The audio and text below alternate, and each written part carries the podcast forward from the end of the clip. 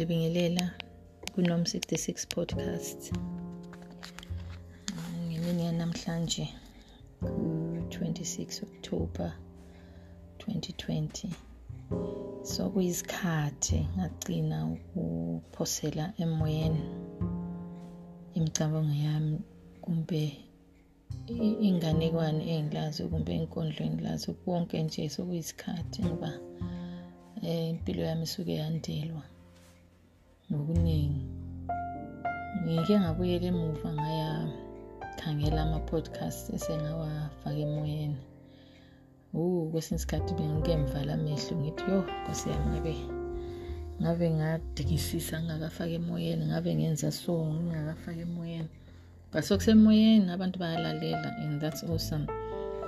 Into engibongelayo ukuthi nxa ngikhangela la namhla ngitshone ngikhangela ku-anchor uh, this podcast uh, up i-anchor where i'm posting my stuff ngike ngakhange ngikhangela ukuthi ke mbona ukuthi kulani okunye kwesindebele engingakulalela other than my own. And i found a few which was quite intriguing you know uyabucabanga ukuthi nguwe wedwa usebenzisa lezi zinto the other people. So i was quite amazed to see uh, ekasi updates you know uh, from country park angikholisile ingoma ingoma zama-locals abantu bayachaya bakithi lama-lyrics angikhona amanye ahlekisa amanye akwenza ucabange you know.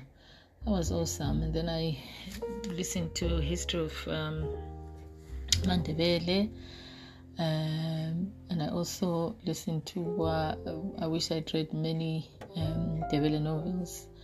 So konke lokhu namhla kungivula amehlo ukuthi sikhona abantu besindebeleni sicabanga okuchiyeneyo sisonke silesifiso sokuthi reach out to our community in different ways. So kungiduduzile lami ukubona ukuthi yeah sicabanga okuchiyeneyo and sonke we mean well in what we're hoping to achieve for ulimi lwethu lwesindebele. So kudos to all those people whose podcasts i visited today. You've empowered me to continue lami doing what i can do for the ndebele language and reaching out for uh, abancane eh kudala sasilehlelo lithi ezabancane qha.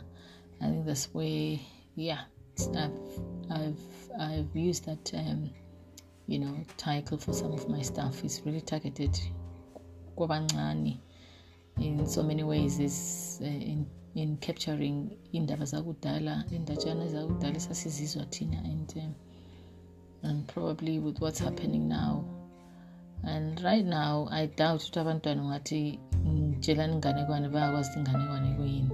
So i hope ukuthi nxa abadala belalela labo it will empower them ukuthi ke babuyele emuva ebuntwaneni babo and share their youthful days labantwana babo in the diaspora ngoba kuqakathekile ukuthi abantwana lanxa ekhaya but be you know in touch with lapho abazali babo abavela khona through these things. Zona lezi zenganekwane inkondlo you know ukuhlabela. Konke khona lokhu. So ngiyabonga that you are listening to me actually. It's, it's i feel honored um, to be doing this.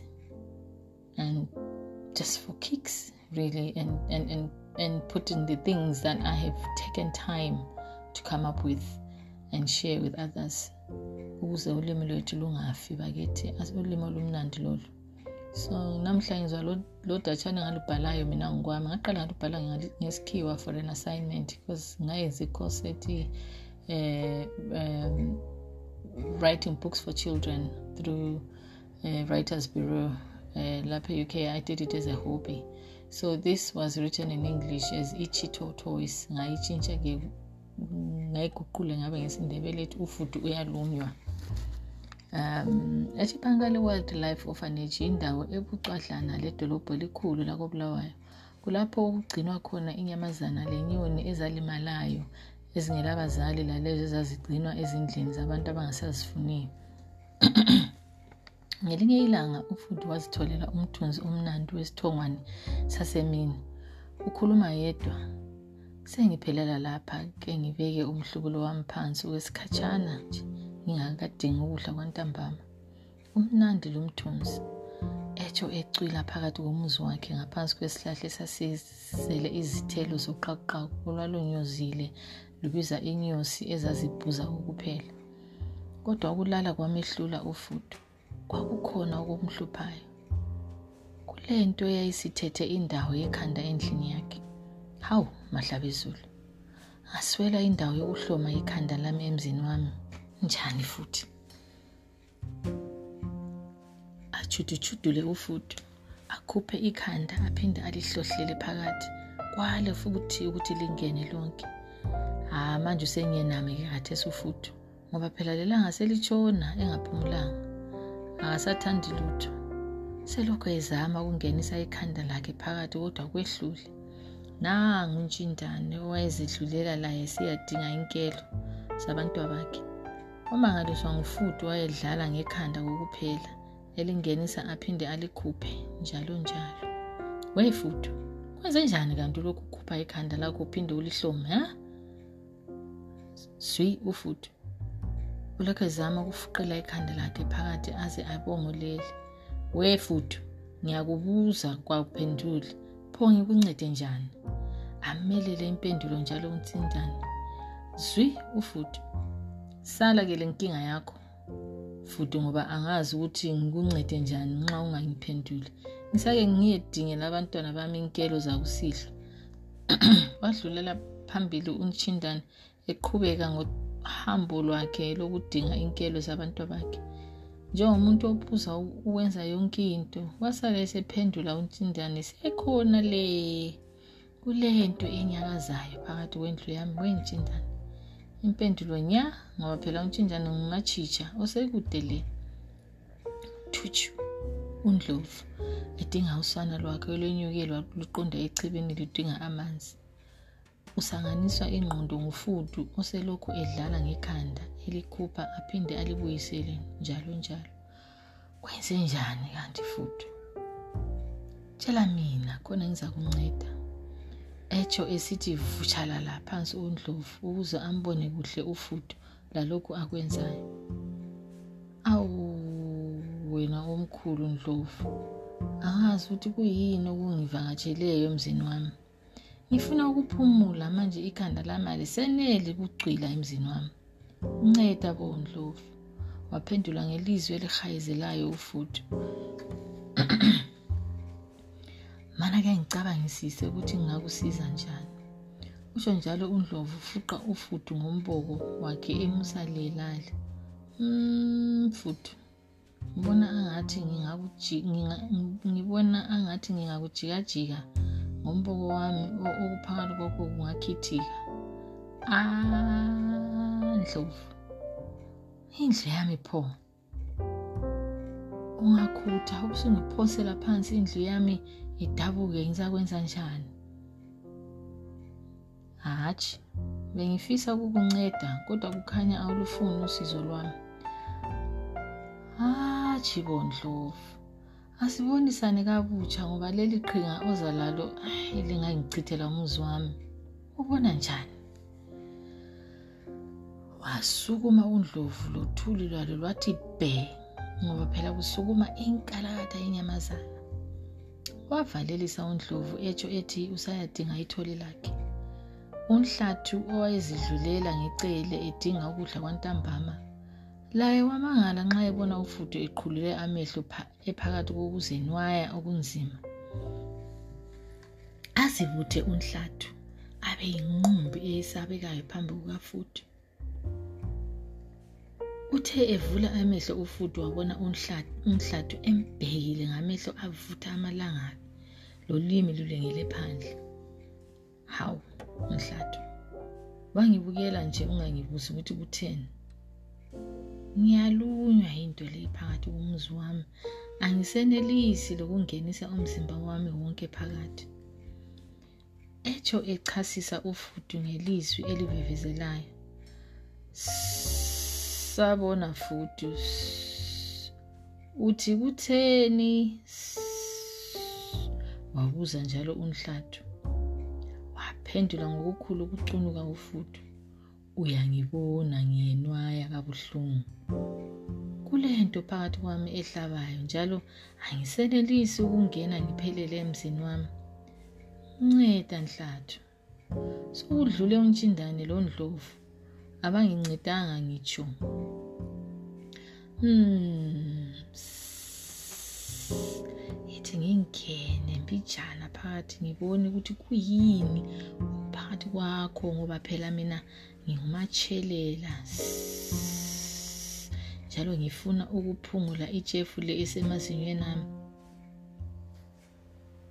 Wenhlathu.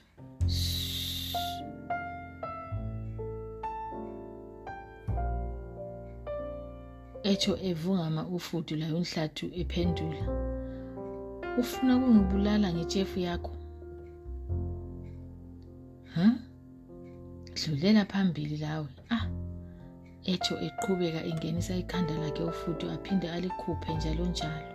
Kutshengisa ukuthi uphakathi kokuhlukumezeka. Umvundla phela ngumfana wesiqubu uhlala egijinyiswa kumbe ecatsha ngoba phela uhlala ehlakaniphela ezinye inyamazana ngokukhalipha kwakhe. Wathutsha ngesikhulu isiqubu umvundla edinga lapha engacatshela khona usilwane. Uthe ethutsha ngemva kwedwala elikhulu nqwa lofudu ojudula ndawonye ekhupha ikhanda aphinde alibuyisele njalo njalo. Wafika wathi ntsi phambi kukafudu wambukela ebambe isihlathi ebobotheka ngoba ecabanga ukuthi ufudu uyagida. Nxa ekhangela ubuso bukafudu wananzelela ukuthi uhwaqile njalo usebuhlungwini akajayivi ngitsho. Nxa evula amehlo ufudu afice ukuthi akasayedwa. Zonke inyamazana ziqala zimbukele edubeka anduba zimkhulumisa awu nokwatsha mfana wamaqhinga. Nceda mfowethu sengikhathele. Ufudu kabingeleli lokubingelela nanku lo mvundla laye kambingelelanga umane wambuka nje. Kutheni kanti udlala dlala ngekhanda lakho ke futhi umuntu omdala? Ufudu wama. Wamkhangela ngalusizi umvundla laye waze wamzwela. Ngiyalunywa njalo into leyi isithethe indawo yekhanda lami. Alisakwani emzini wami. Siza mina mvundla ngiyacela.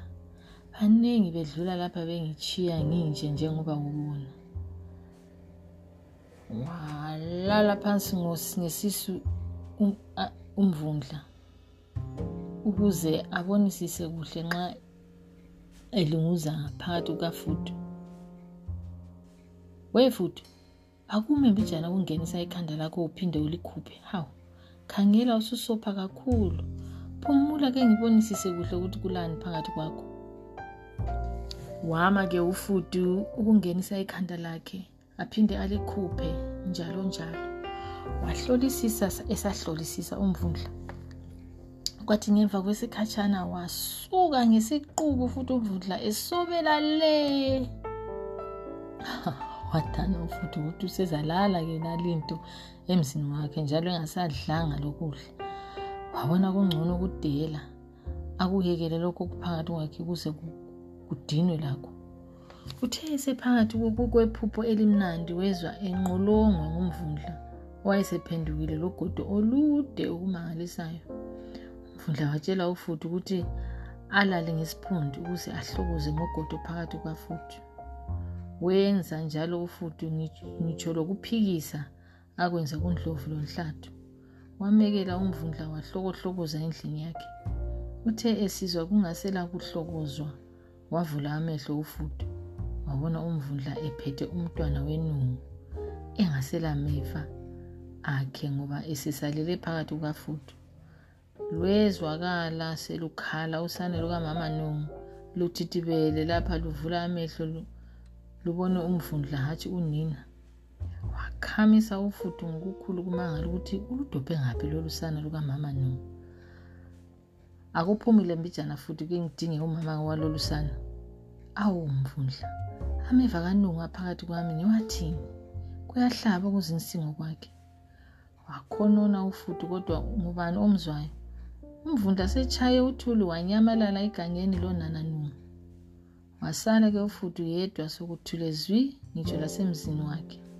Wajumeka-ke engazi ukuthi umvundla uzaphenduka kumbe hatshi. Wathi ephakathi kokujumeka ufudu wedlula untshindane ethwele inkelo zakhe. Wama phambi kukafudu efuna ukubona ukuba usaphila yini. Wamkhabakhaba ngonyawana lwakhe ngitsho lokunyukunyeka ufudu kumbe sebizwe ngabaphansi. Eh asazi. Etsho ezibuza untshindane aphinde aziphendule. Wabona kungcono ukuqhubeka ngohambo lwakhe. Mbayimbayi wajika ngeleyo ndlela undlovu laye elethole lakhe. Wafica ufudu ecwilela ngekhanda emzini wakhe. Laye undlovu wamfuqafuqa ngomboko wakhe ngitsho ukuvuka ufudu.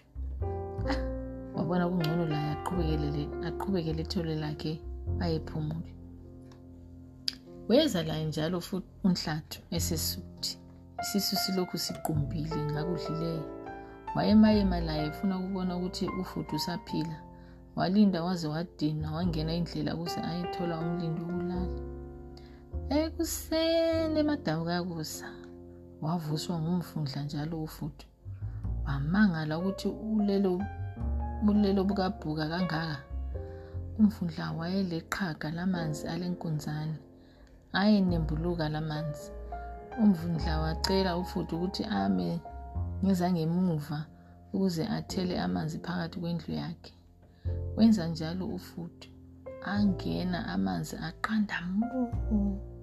Ngemva kwalokho umvundla wathi kalale ngesiphundu kwesikhatshana wamlinda umvundla futhi wasesithi kaphakamise inyawo zangemuva ame ngezangaphambili ukuze amanzi aphume lameva kanungu wenza njengokulayelwa kwakhe ufudu ajuluka amanzi aphuma lameva kanungu wazizwa esengumuntu.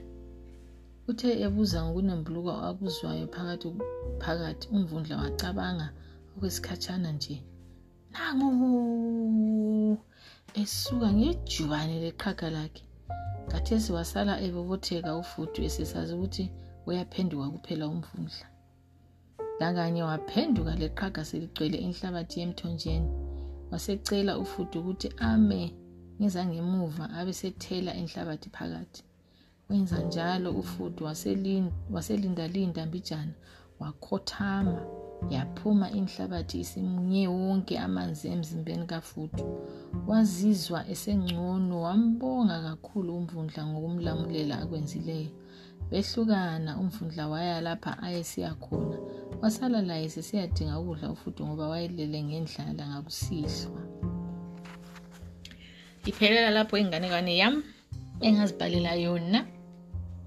Um angisoze ngitsho amabizo enyamazana lezi ezilapha ukuthi ngesilungu kuthiwa kuyini senza chiyela abazali ukuthi badinge ndawonye labantwana ukuthi kuyini ufudu kuyini undlovu kuyini umvundla kuyini utshindane kuyini inungu.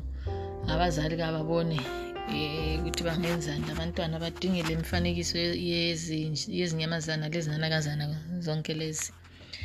Kholisanini udatshana lwami engalubhala eh ekufundeni kwami ukubhala inkwalo sabantwana. Ngiyabonga. Yiminombolelo at nom 66 podcast. Love you all. Bye